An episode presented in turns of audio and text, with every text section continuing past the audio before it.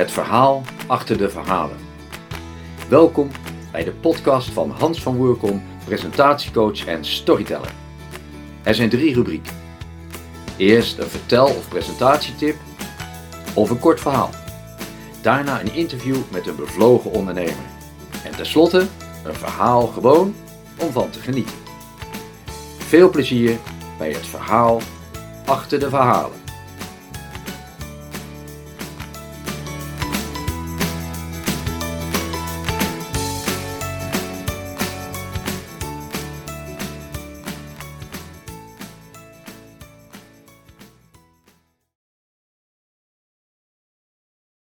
Alice in Wonderland. Alice loopt in het bos. Met haar blonde haren en haar blauwe jurkje. Terwijl ze daar zo loopt, ziet ze opeens in een boom een enorm gebit. Ah, de Cheshire Cat. Hé, hey, Cheshire Cat, kun je me misschien vertellen welke weg ik moet nemen? Dat hangt er vanaf waar je naartoe wilt, meisje. Och, dat maakt niet uit. Hm, dan maakt het ook niet uit welke weg je neemt. Nou ja, als ik me ergens kom. Als je lang genoeg loopt, kom je zeker ergens. Zo, goedemiddag uh, Bianca. Uh, fijn dat je bij deze podcast bent en uh, ik ga je daar ook wat vragen stellen. Vind het heel leuk dat je, dat je mijn gast bent en ik ben zeer benieuwd wat je allemaal gaat vertellen. ik heb eerst een paar vragen om erin te komen. Laat ik eerst vragen, want nou, daar zeg ik Bianca, maar het is natuurlijk Bianca Spierenburg. Hè? Had ik nog even vergeten. nou, de eerste vraag, zijn even algemene vragen. wat was vroeger of, of nu een van je lievelingsboeken? Vroeger of nu? Want dat, dat is wel echt een vraag die je daar stelt. Um, um, mm -hmm, ik, ik hou het bij het boek wat ik uh, ergens daartussenin, tussen vroeger en nu. Uh, ja, dat is goed. Laat me horen. Waar ik me nu mee bezig hou. Ja. Uh, want dat is het boek De Wereld Moest Anders. Ah. Dat is echt een boek vanuit eh, de ontwerpdiscipline geschreven. Ja. Want als ik me bedenk waar ik als kind mezelf doorheen las, ik, ik weet het wel hoor, want dat is Alice in Wonderland. Alice in Wonderland is het boek, Leuk. dat is mijn boek.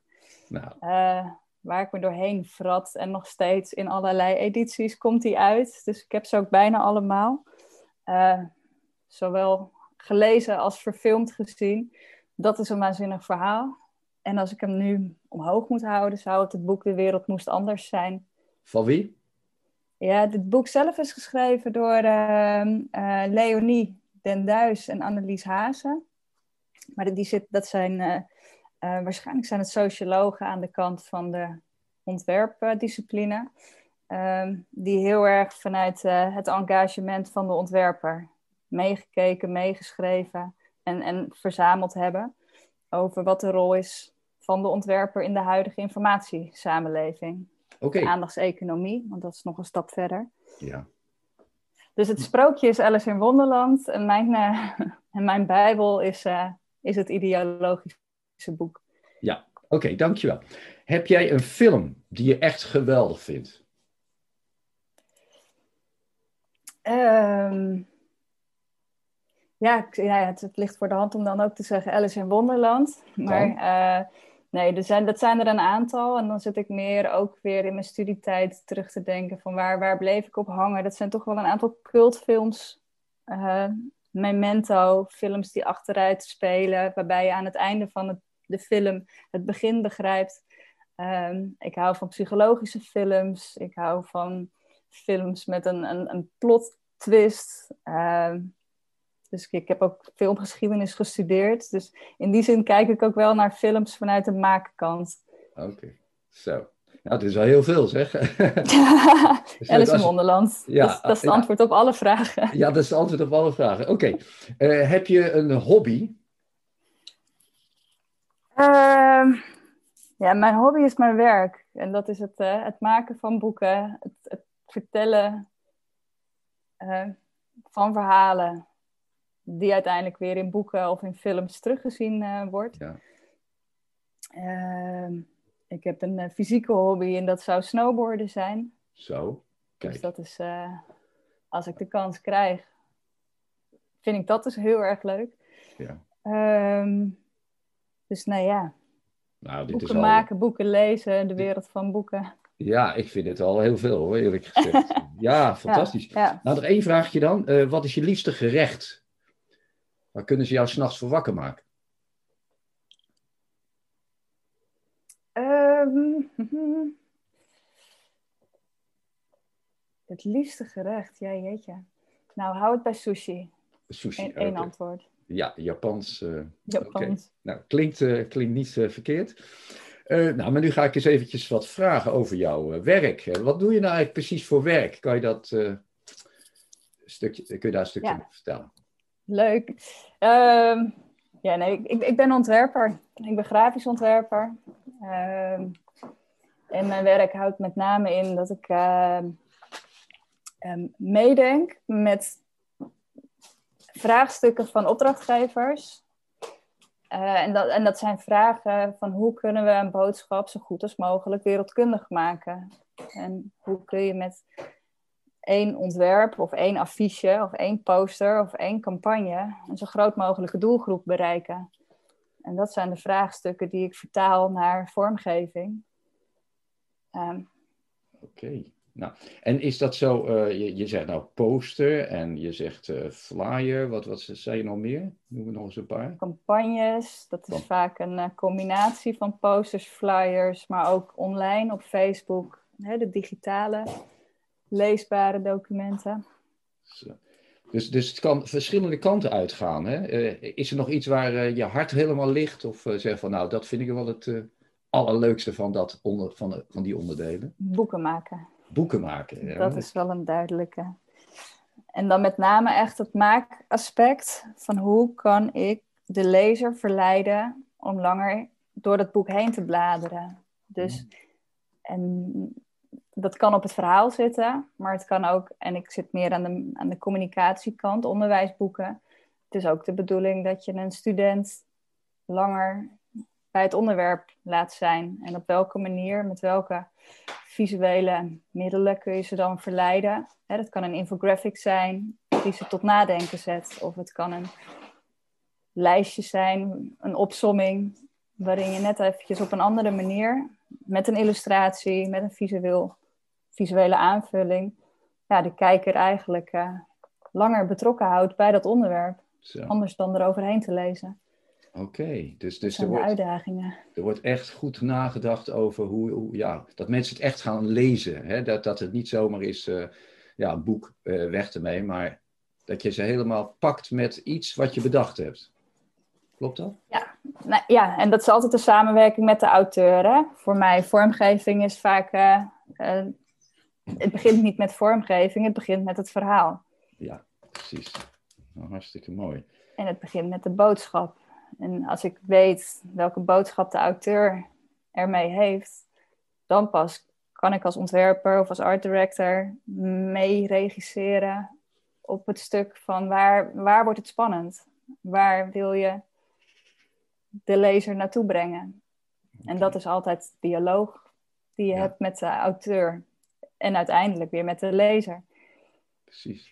En, maar hoe moet ik me dat dan voorstellen? Die, eh, je, hebt dus een dialoog en op een gegeven moment komt er iets uit. Waar, waar doe je dat? Doe je dat op je, eh, op je laptop of op je computer? Hoe, hoe werk je dat verder uit? En wat, wat, wat komt er dan bijvoorbeeld uit als product? Ehm, nou goed, als een uitgever aan mij vraagt, maak een boek, dan is het eindproduct boek. En dan ga je, of, hè, of magazine, want dat maak ik ook. Dan ga je, ehm, ja, het, het, het is het, nou, laat ik het anders zeggen.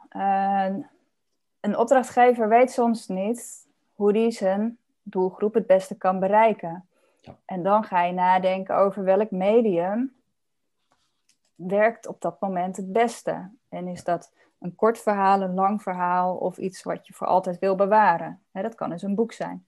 Ja. Maar op een website heb je bijvoorbeeld weer een ander doel. Dat is de lezer informeren Mhm. of nieuwsgierig maken. Dat kan een campagne zijn om die kijker te informeren. nou ja, of ten doel nu een, een, een goed doel hè, te, laten doneren. Dus, dus ieder doel kan anders zijn. En als ontwerper is het dan in, in samenspraak met de opdrachtgever de kunst om het middel uit te werken wat op dat moment het beste past bij dat doel. En als het een boek is, ja, dan, dan een laptop of een computer is het, is het tool, is het gebruiks. Uh, ja, gebruikers is mijn gereedschap. Mijn computer is mijn gereedschapskist. Daar zitten een heleboel interessante zaken in waarmee ik mooie dingen kan maken. Maar ik kan ook een doelgroep bereiken door ja, met een viltstift uh, iets te geks te doen op, uh, op karton. Okay. dan heb ik wel weer een andere, want dan ben je meer misschien campagne aan het voeren op een andere veld in Nederland. Maar dat kan ook een boodschap zijn. Dus als ontwerper is het vooral interessant van wie help je ermee op welk moment. Maar als je zo'n boek hebt, eh, ja, je hebt uh, zoveel bladzijden, zeg 150. Uh, op hoeveel bladzijden ben jij dan actief of zo? Wat je, wat je op iets... alle bladzijden. Op alle bladzijden. Wat een werk lijkt me dat. Uh, dat is ja. toch intensief. Uh, maar... Ehm, een boek maken is een arbeidsintensief proces. Vergeleken vroeger met wat de monniken deden. Letters zetten. Uh, daarvan kunnen wij tegenwoordig wel iets makkelijker tekst laten inlopen in een Word-document. En weer doorvertalen naar een opmaakdocument, wat, hè, wat, wat bij de drukker tot een boek uh, samengevat kan worden. Dus het zijn allemaal digitale processen die, uh, die er zijn. Mm. En de toegevoegde waarde van een ontwerper die daarin meekijkt, uh, is bepaalde bladzijden toch net even wat spannender eruit laten zien. Of juist bij een bepaald deel van een. Het ligt er ook echt aan wat voor verhalen. Een sprookjesboek is een ander boek hmm. dan een onderwijsboek. En is weer anders dan wat ik bijvoorbeeld maak. Wetenschappelijke verslaglegging. Maar dan op een interessante manier dat de lezer het ook leuk vindt om te lezen. Want wetenschap is niet altijd leuk soms vind ik het heel saai om dat zo uh, te lezen. En dan denk ik van, nou, daar, daar stop ik al gelijk. Hè? Dus dan, dan haak ik al af. Hè? Dus het is echt de kunst om het aantrekkelijk te presenteren dat je wil verder lezen. Ja, en het is niet dat een ontwerper dat per se altijd voor elkaar krijgt. Maar het, is wel, het zou wel mooi zijn als je met kleine ingrepen net even wat meer bereikt dan het in een Word-document, in een map of in een digitaal document aan de ander toe te zenden. Hmm. Snap ik, snap ik. Dus... Uh, maar hoe, hoe ben je hier nou zo toe gekomen? Want uh, hoe kom je op de plek waar je nu bent, hè, met uh, ja, wat je doet allemaal? Hè? Is vast een ontwikkeling geweest. En ik denk dat dat echt iets is wat in mijn kindertijd gezeten heeft. Ik ben altijd bezig geweest om briefjes te schrijven naar anderen, kleine verhaaltjes te schrijven voor anderen. En met als doel dat een ander dat ook wilde lezen. Mijn vader is een postbode geweest. Die heeft een periode van zijn leven is die postbode geweest. En ik vond het fascinerend dat een boodschap bij een ontvanger kwam. Um, en eigenlijk is dat voor, voor wat ik in mijn studententijd tegenkwam met de komst van het internet. Dat hebben wij dan meegemaakt in onze generatie. Mijn neef die uh, een computer bij uh, ons thuis kwam installeren waarmee je met andere mensen in dialoog kon komen. Ja. En nu is dat als vanzelfsprekend. Hè, vroeger was het als je tot tien kan tellen, kan je de hele wereld bellen. Ja. Dat is een leus die ik heb onthouden uit, denk, nou, ik weet niet of het het Media Museum was of dat het KPN was, een campagne daarvan. Maar het was vooral als je de, cijfer, als je de tien cijfers uh, kon onthouden van de mens, hè, wie je ermee wilde bereiken, en nu kun je dus nou ja, het hele internet afstruinen, waarmee je bijna zou kunnen zeggen de wereld zien, op een manier die je gewoon vanuit je huiskamer naar je toe kan halen. Ja. ja. Dat is waanzinnig. Ja, het is een enorme ontwikkeling. Als je erover nadenkt. Ja, maar het gaat ook zo snel. Hè? Er komen steeds zo weer nieuwe dingen bij. En jij hebt natuurlijk steeds ook erop ingespeeld. Hè? Want je kan niet zeggen van nou, dit is het, eh, dit is mijn aanbod. Maar ja, over vijf jaar of over twee jaar of over één jaar is het alweer anders.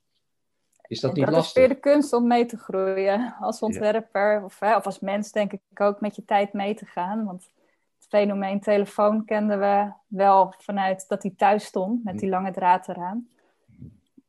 Maar die kenden we niet op het moment dat we, nou, op het moment dat we studeerden, had er één of twee die hadden dan van die grote koelkasten waarmee ze ja. heel stoer waren. En, en sindsdien is het dat we allemaal uh, een computer in onze zak dragen eigenlijk. Ja, dat is het wel. Nou, dit is uh, boeiend. Heel boeiend. Uh, ik denk dat je het al een beetje gezegd hebt, hè? maar waarom doe jij nou wat je doet? Um, ontwerpen is ontzettend leuk, omdat ik daarmee iedere keer iets kan uitvinden. En of iets zelf, ik kom ook zelf tot de ontdekking dat ik iets heb gemaakt waar ik blij van word.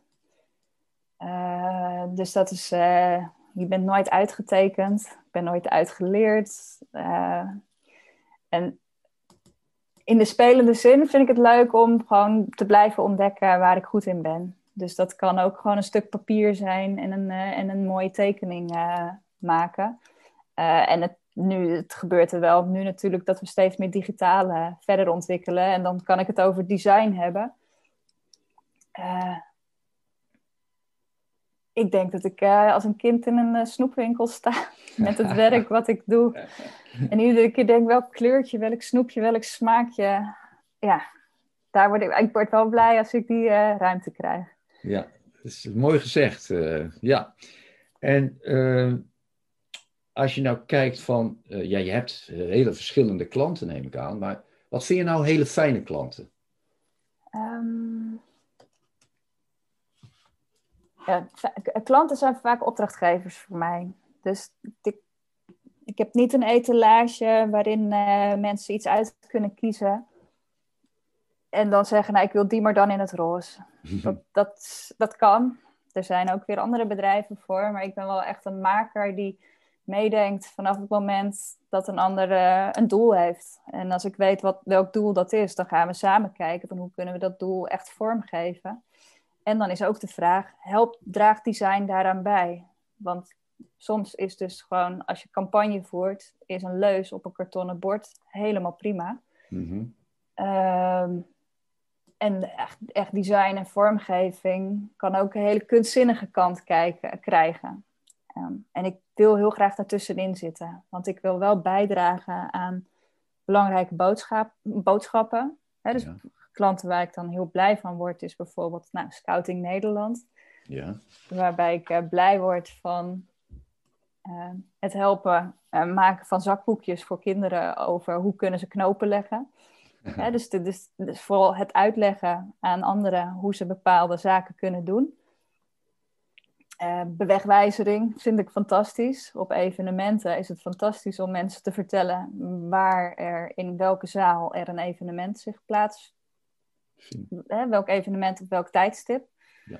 uh, er plaats heeft. En ik vind het dan leuk om te kijken hoe kunnen we de bezoeker op dat moment door een programmabrochure heen laten navigeren. Mm. Dus het, het kan natuurlijk gewoon plat en uitdraaien in je printer zijn. Maar ik vind het veel leuker om de bezoeker, hè, om me in te leven in de type opdrachtgever of in de type eindklant. Um, dus ik ben wel gemakkelijk uh, s'nachts wakker te maken. Want dan kun je eigenlijk altijd al vragen, hey, denk eens mee. Ja. Um, en op dit moment werk ik voor CNV. Ja. En dat is wel echt een klant naar mijn hart, als ik het zo mag zeggen.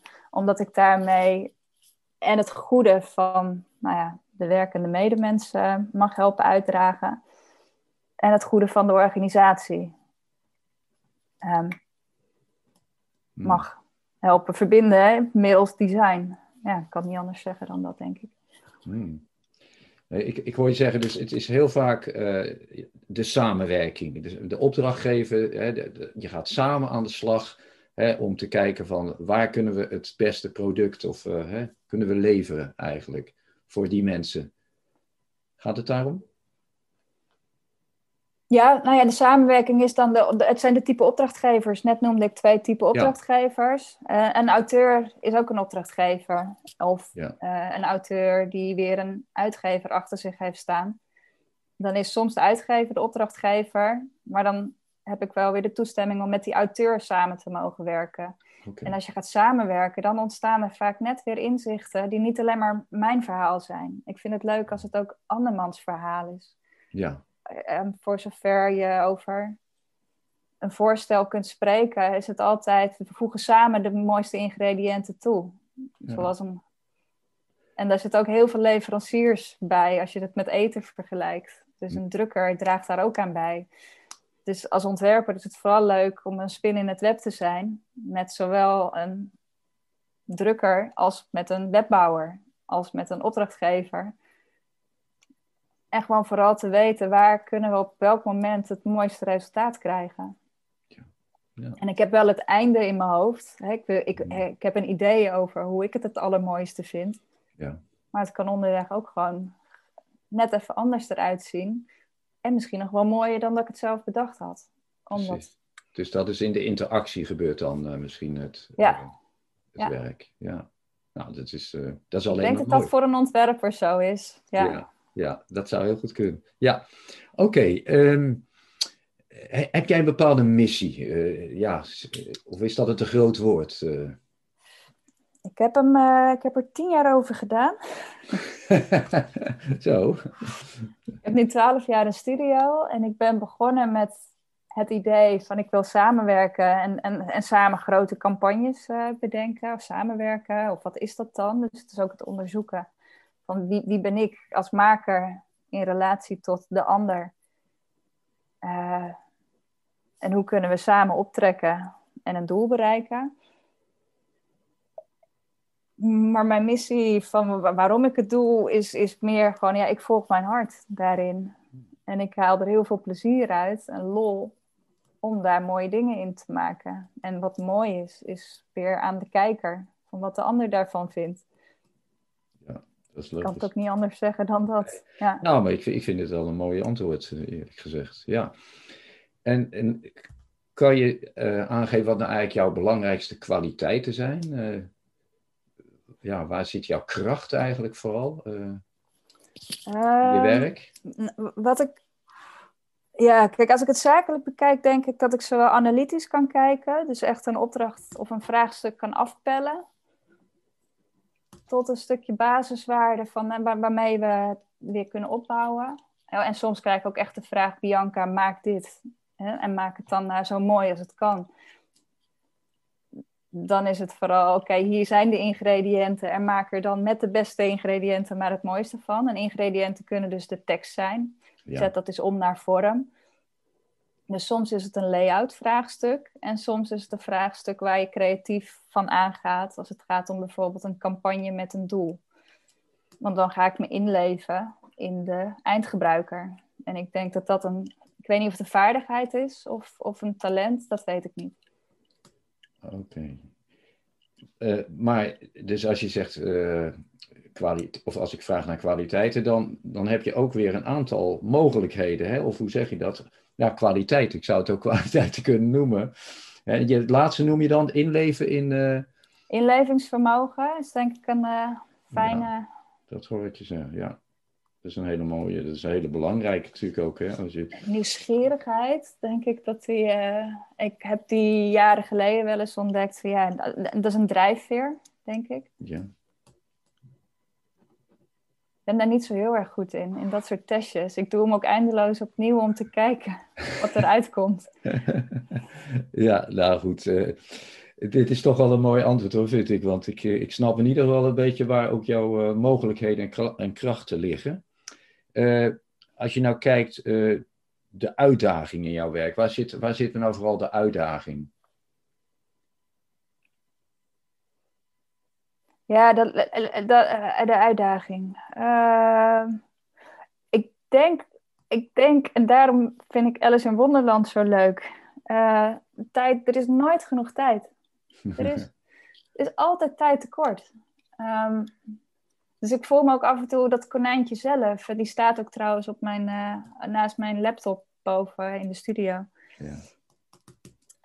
Um, dat konijntje wat altijd ja, te laat is. Of vooral die tijd aan het bijrennen is. En, en ik voel me dan die Alice die dan denkt, maar wat die tijd? Oh ja, die tijd. Ik moet die tijd achteraan. En dat heeft dan met deadlines te maken. Want in de praktijk is het werk best wel tijdgebonden. En is een doel ook niet zonder eindstip. Nee. Dus vaak zit je ook wel een klein beetje op de tijd te letten. Van ik, neem, ik geef mezelf een bepaalde tijd om tot een basisidee te komen. Bespreek dat met de opdrachtgever. Maak daar vervolgens binnen de tijd die we hebben het beste van. Want ja, als je eindeloos de tijd hebt, Ja, dat heeft ook nadelen. heeft ook weer nadelen. Ja. Ja. Dus Ja. het allerbeste boek van de wereld is er nog niet vanwege tijdgebrek. Oké. Nou, tijd, eh, dat is wel voor mij ook een eh, thema, zal ik maar zeggen. Hoe ga je met je tijd om? Hè? De tijd vliegt, eh, lijkt het wel eh, in ieder geval. Eh, nou, oh ja, dit, dit vind ik ook wel leuk om aan je te vragen. Kijk, je weet, ik ben gek op storytelling, verhalen vertellen. En, en ik heb het jou ook al horen noemen. En op welke manier maak jij dan gebruik van storytelling? Je hebt er al iets over gezegd. eh. Ehm,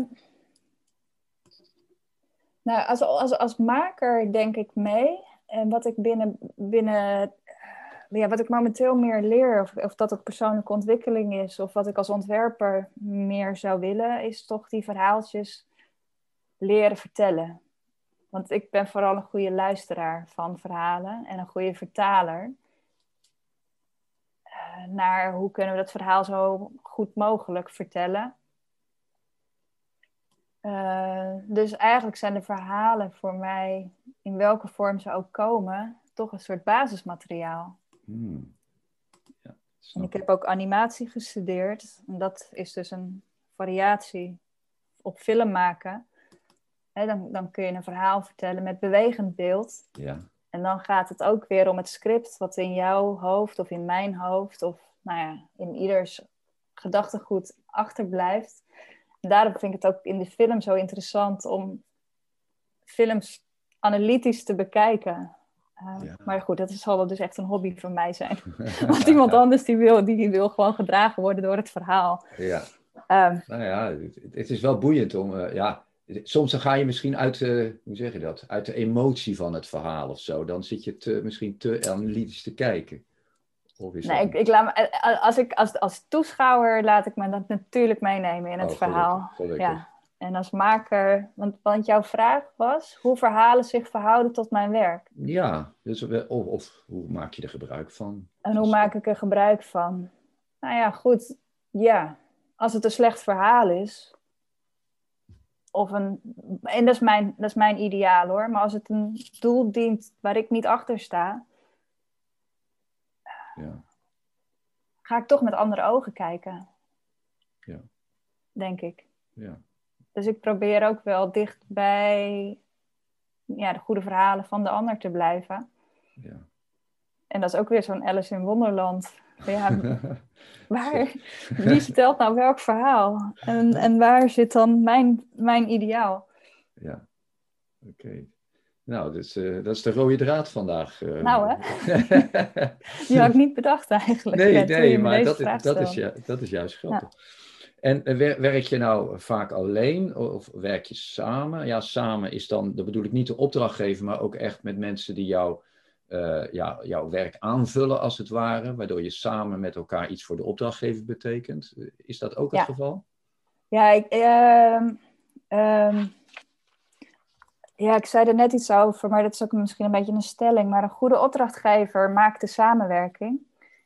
Uh, dus het begint nooit alleen, want anders zou ik helemaal een, dan zou ik een kunstenaar zijn. Mm. En ik ben een toegepast kunstenaar, dat ik dus altijd wel in de leefwereld van een ander wil meegroeien. Um, soms wordt de vraag mij direct gesteld, hè? Bianca, maak een boek of maak, maak een campagne, want dat is nu hè, de vraag die mij gesteld is. Ja. Uh, kun je meehelpen aan een campagne en dan is het ook altijd weer zoeken want zometeen ga ik een Zoom-call in, oh ja. naar de mensen om samen mee eh, op te trekken, om tot inspiratie te komen. Dus ik heb ook altijd een ander nodig. En dat kan een mens zijn, maar dat kan ook de inspiratie zijn die ik ophaal in de wereld, ophaal van internet, waarmee ik weer tot een concept kan komen wat dat verhaal kan worden. En dat doe ik solistisch, als ik het zo zeg, hè? Als, Ja. als het aan mij gevraagd wordt. Maar ik heb ook samenwerkingspartners, zoals tekstschrijvers, zoals webbouwers, zoals drukkers, ehm, die in mijn leefwereld naast mij staan. Dus, dus ja, ik zie echt gewoon samenwerkingspartners, waarmee je samen een, nog groter doel kunt bereiken. Oké, en, en hoe, hoe, kom je, hoe loop je die tegen het lijf dan, die mensen? Hmm.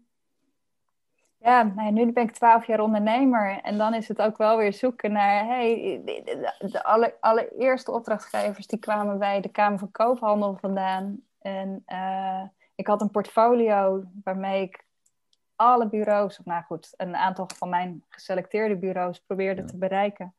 En waardoor ik op een gegeven moment bij een ontwerpbureau en een reclamebureau terecht ben gekomen.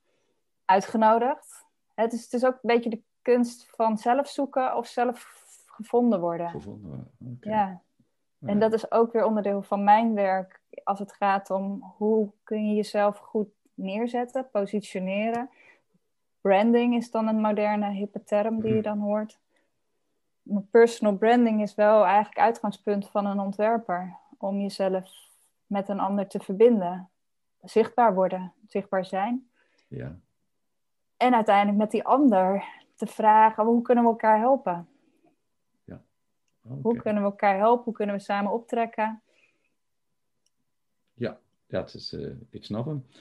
Uh, nou, de tijd die vliegt, uh, nou, hè? vliegt om. Ehm,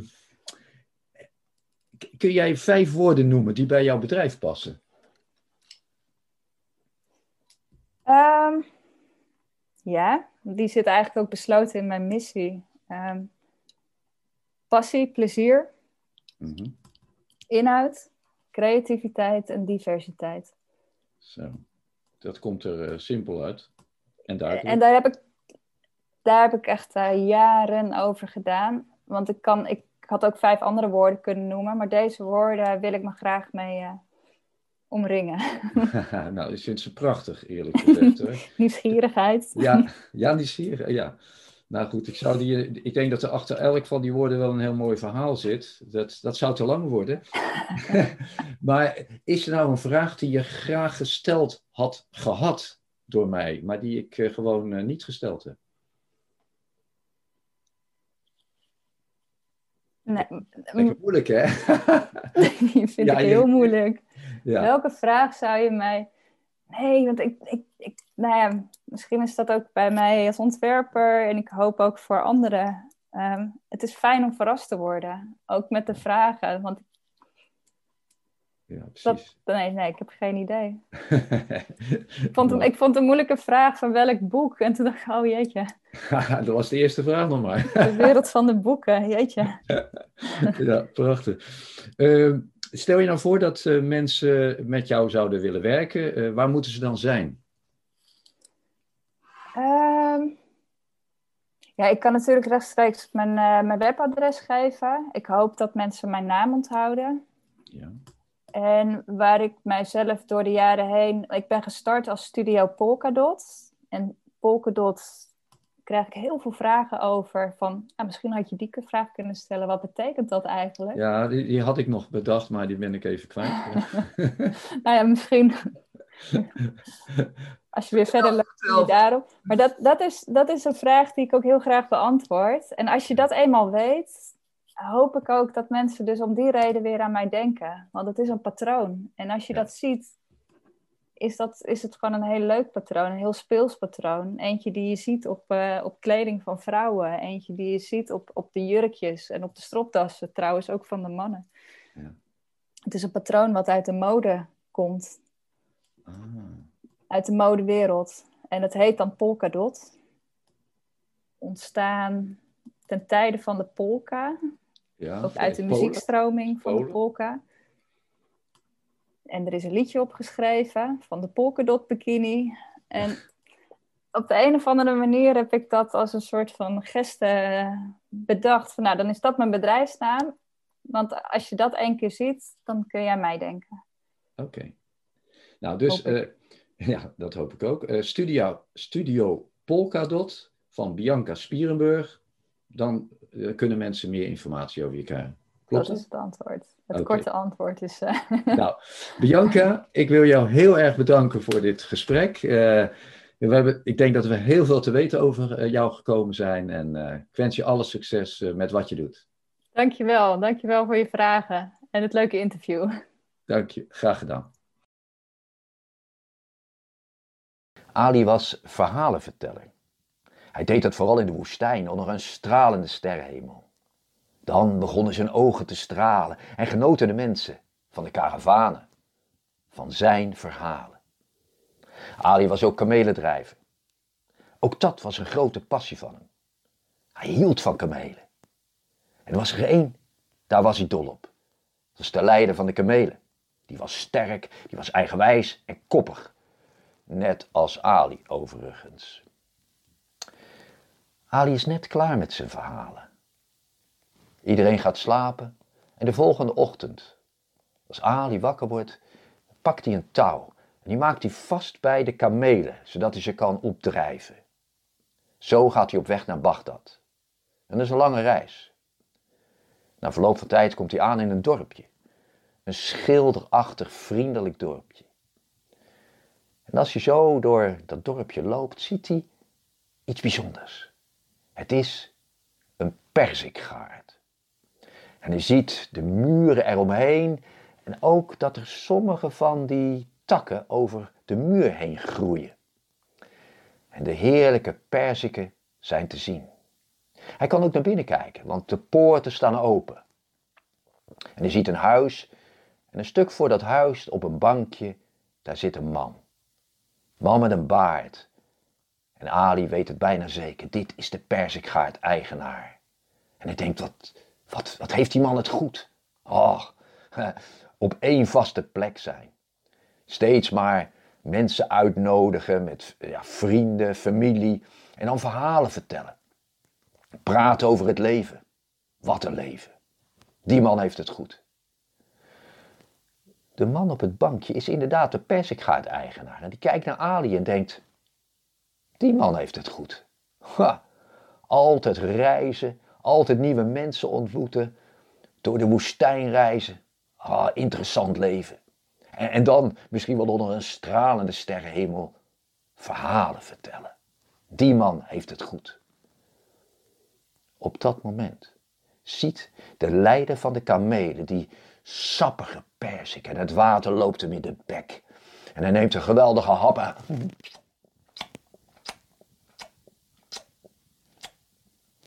Hij smakt hem naar binnen en nog één en nog één. Maar de eigenaar van de perzikgaard ziet het. En hij ontsteekt in woede. Wat? Dat stomme beest. Ik zal hem. En hij pakt een steen en hij gooit hem in de richting van de kameel. En de kameel valt. Ali is in alle staten. Nee toch, nee toch. En ik kom bij de kameel en de kameel is dood. Oh, oh, zijn geliefde kameel. Wat een stomme vent. En hij pakt een steen zonder na te denken, gooit het in de richting van die man. En het raakt die man op een zeer ongelukkige plek, vlak bij zijn slaap. En, en de man valt neer en Ali denkt, oh nee, dat was niet de bedoeling. Hij gaat naar de man toe. En de man is gestorven. Ali weet niet meer waar hij moet blijven. Oh, dat was niet de bedoeling. Wat moet ik doen? Wat moet ik doen? Ali pakt zijn mes. En hij loopt in de richting van de kamelen. Probeert het touw door te snijden. Maar hij krijgt geen kans om het af te maken, want snelle voetstappen naderen. Ali wordt op de grond gegooid en twee mannen beginnen hem te schoppen. Het zijn de zonen van de Perzikgaard-eigenaar. Moordenaar, je hebt onze vader vermoord. Je zult ervoor boeten. Nee, nee, het was een ongeluk. Laat me geld geven. We willen je geld niet. We willen je bloed. Dan een andere stem. Het is de oudste zoon. Stop ermee. Stop. Nee, stop. Als jullie doen wat deze man gedaan heeft, dan zijn jullie ook moordenaars. Laat de rechter beslissen. En zo gebeurt het. Ze houden Ali stevig vast en nemen hem mee door de straten van het dorp. Mensen komen erbij. Ze komen op het tumult af. Wat is hier aan de hand? En ze vertellen het. Ze vertellen wat Ali gedaan heeft. Zo komen ze bij het huis van de rechter, die net naar buiten komt. Het is hier aan de hand. Deze man heeft onze vader vermoord. Wie ben jij? Ik ben Ali de kamelendrijver. En heb jij dat gedaan? Meneer de rechter, het was een ongeluk. Die man had mijn kameel doodgegooid met een, met een steen. En zonder erbij na te denken pakte ik een steen. Ik was zo boos, zo verdrietig en ik gooide die steen in de richting van die man. En hij was dood. Is gestorven. Maar het was echt een ongeluk. Laat me geld betalen. Bloedgeld? Hmm. En? Accepteren jullie dat? Nee, meneer de rechter. Dat accepteren we niet. We willen zijn bloed. En de rechter kijkt naar Ali, kijkt naar de drie zonen. En dan heeft hij zijn beslissing genomen. Een snelle beslissing. Ali, je zult sterven. Mijn beul zal het werk doen. Ali weet niet waar hij moet blijven. Maar, maar heb ik een laatste wens? Ja, Ali, je hebt een laatste wens. Ik zou graag drie dagen en drie nachten naar huis willen gaan. En daarna kom ik terug. Ik beloof het. Nee, Ali, dat kan ik niet toestaan. Maar ik geef, ik geef u mijn woord. Ik denk het niet, Ali. En de drie zonen zeggen: Laat hem alsjeblieft niet gaan. Hij komt nooit meer terug. De rechter zegt dit. Goed, Ali. Als iemand jouw plaats zou willen innemen, dan is het goed. Dan mag je drie dagen en drie nachten weggaan. Maar als jij niet terugkomt, zal die persoon die jouw plaats heeft ingenomen sterven. Dus mijn vraag is aan jullie hier, mensen. Wie wil de plaats van Ali innemen? De mensen kijken elkaar aan. Ja, kijk wel linker uit. Nee, ik niet. Nee, nee, nee. En er is niemand die zijn plaats wil innemen. De beul komt erbij met een grote bijl. En hij loopt op Ali af. En Ali weet dat zijn laatste uur is geslagen. En dan is er geluid. Geluid van achteren. Van achter die hele grote groep mensen. En de mensen maken ruimte. En er komt een oude man naar. En hij zegt, ik, ik wil de plaats innemen van Ali. U weet de consequenties. Ja. En die drie zonen die zeggen, nee, doe het niet, alsjeblieft. Hij komt nooit meer terug, het wordt, het wordt u dood. Ik neem zijn plaats in. Ali bedankt de man. Hij gaat naar een van de kamelen. En die neemt hij mee. Ali rijdt weg. En de mensen kunnen niet geloven dat hij zal terugkeren. De oude man wordt meegenomen in de gevangenis gestopt. En er gaat een dag voorbij.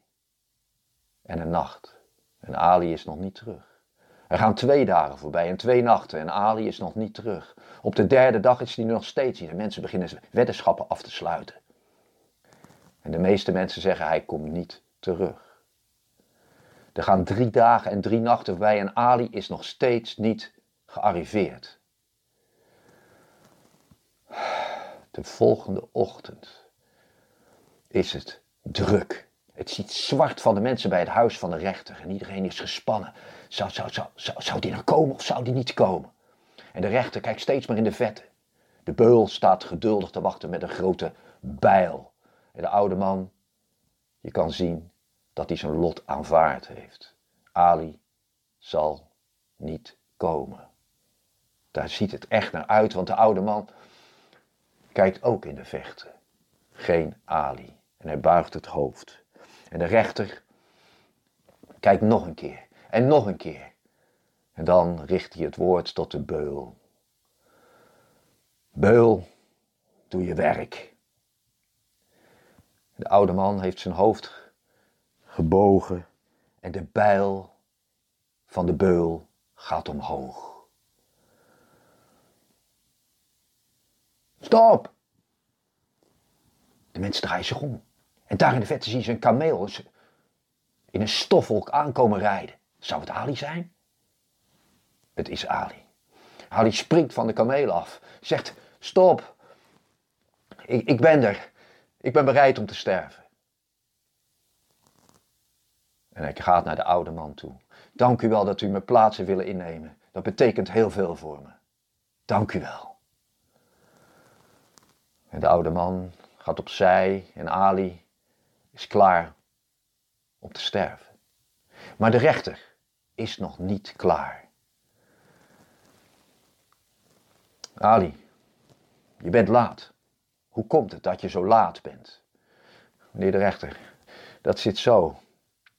Ik, uh, ik heb in het dorp een oude vrouw wonen. En de oude vrouw had heel veel sieraden en die heeft ze aan mij uitgeleend. Ik ben teruggegaan om die sieraden weer bij haar terug te bezorgen.